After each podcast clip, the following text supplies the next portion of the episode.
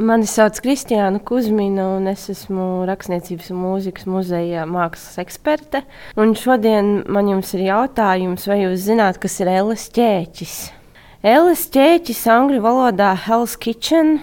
Tas ir pirmkārt rajons ASV Ņujorkā, kas atrodas starp Hudsonu un Times Square, un ir zināms arī ar nosaukumu Clintona. 20. gadsimta 50. gadu sākumā šajā rajonā apmetās un bija sastopami latviešu trimdas literāti un mākslinieki, kuri laika gaitā ciešāk sadraudzējoties, izveidoja radošu grupējumu, to tā arī nosaucot par Elles ķēķi. Šīs brālības sirds bija mums diezgan labi zināmi latviešu trimdas spožākie modernisma dzinieki Gunārs Saliņš un Linards Stauns literāti Teodors Zeltiņš, Mudīta Austriņa, Aina Kraujiete, mākslinieki Friedrichs Milts un Sigurds Vīdzirkste un citi. Tā grupa bija diezgan liela. Viņi satikās un apsprieda literatūras un mākslas pasaulē notiekošo, dalījās viens ar otru iedvesmā, un viņa mērķis bija pierādīt, ka vispār trimdā dzīvojošiem latviešiem nav jākļūst par tādiem vaidētājiem pēc dzimtenes, bet tieši otrādi, ka nonākot citā zemē ir iespējams arī dzīvot un just pilnīgi citādi un pilnvērtīgi, arī apvienojot tieši to latvisko un ārzemju pieredzi, kultūru. Ir iespējams turpināt jaunradi un sentimentāli banālās atmiņas par zaudēto dzimteni pārvērst jaunā dzīslas un mākslas izteiksmē, bet arī nezaudējot savu sakņu izjūtu vienlaicīgi.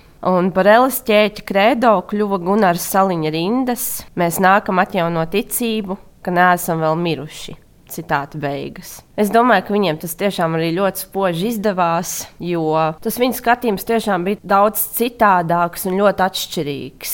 Es domāju, ka viņi ar savu jaunradi, ar dzēju, literatūru, ar savām domām ļoti bagātināja latviešu kultūru aiz robežas, ņemot vērā arī to, ka tas jau nemaz nav tik viegli. Dzēnieks Juris Kronbergs savulaik bija izveidojis tādu Elas ķēķi raksturojošu elementu sarakstu, kas atklāja ne tikai literāro darbu tematiku, par ko viņi rakstīja, un tās tēmas, kas viņiem, piemēram, bija svarīgas, bet arī viņa iedvesmas avotus un to brālības kopienas kodolu.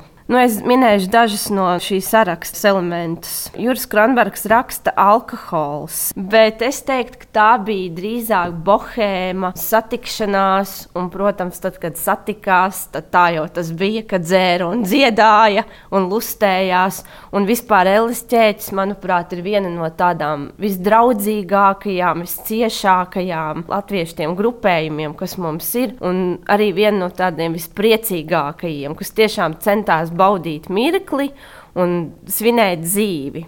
Tad eh, Kronbergs min Aleksandru Čaku, kā iedvesmas avotu, protams, pilsētas dzinieks, kas bija arī ļoti svarīgs Linardam Taunam. Te blakus es gribētu minēt arī Ēriku Adamsonu, kas arī viņiem ļoti patika. No ārzemju autoriem Eliots Rilke, arī Dilans Tomas un citi. Tad Kronbergs min arī erotiku un tādu īpatnējāku skatījumu, daudz atvērtāku uz erotiku, uz sievieti.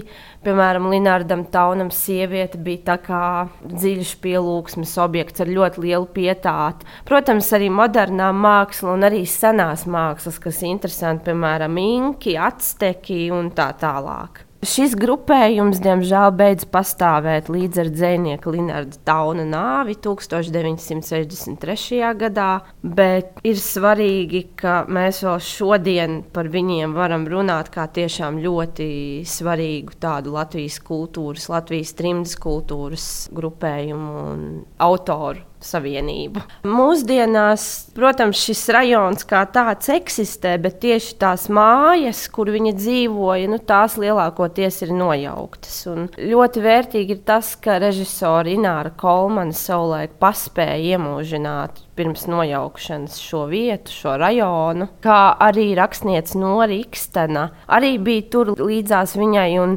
mūsu muzeja krājumā glabājas flīzīte no mājas šajā Elis ķēķa rajonā, kur savulaik dzīvoja Linards Tauns. Tā tad arī liecība par šo Elis ķēķi, gan kā par vietu, gan kā par mums svarīgiem cilvēkiem.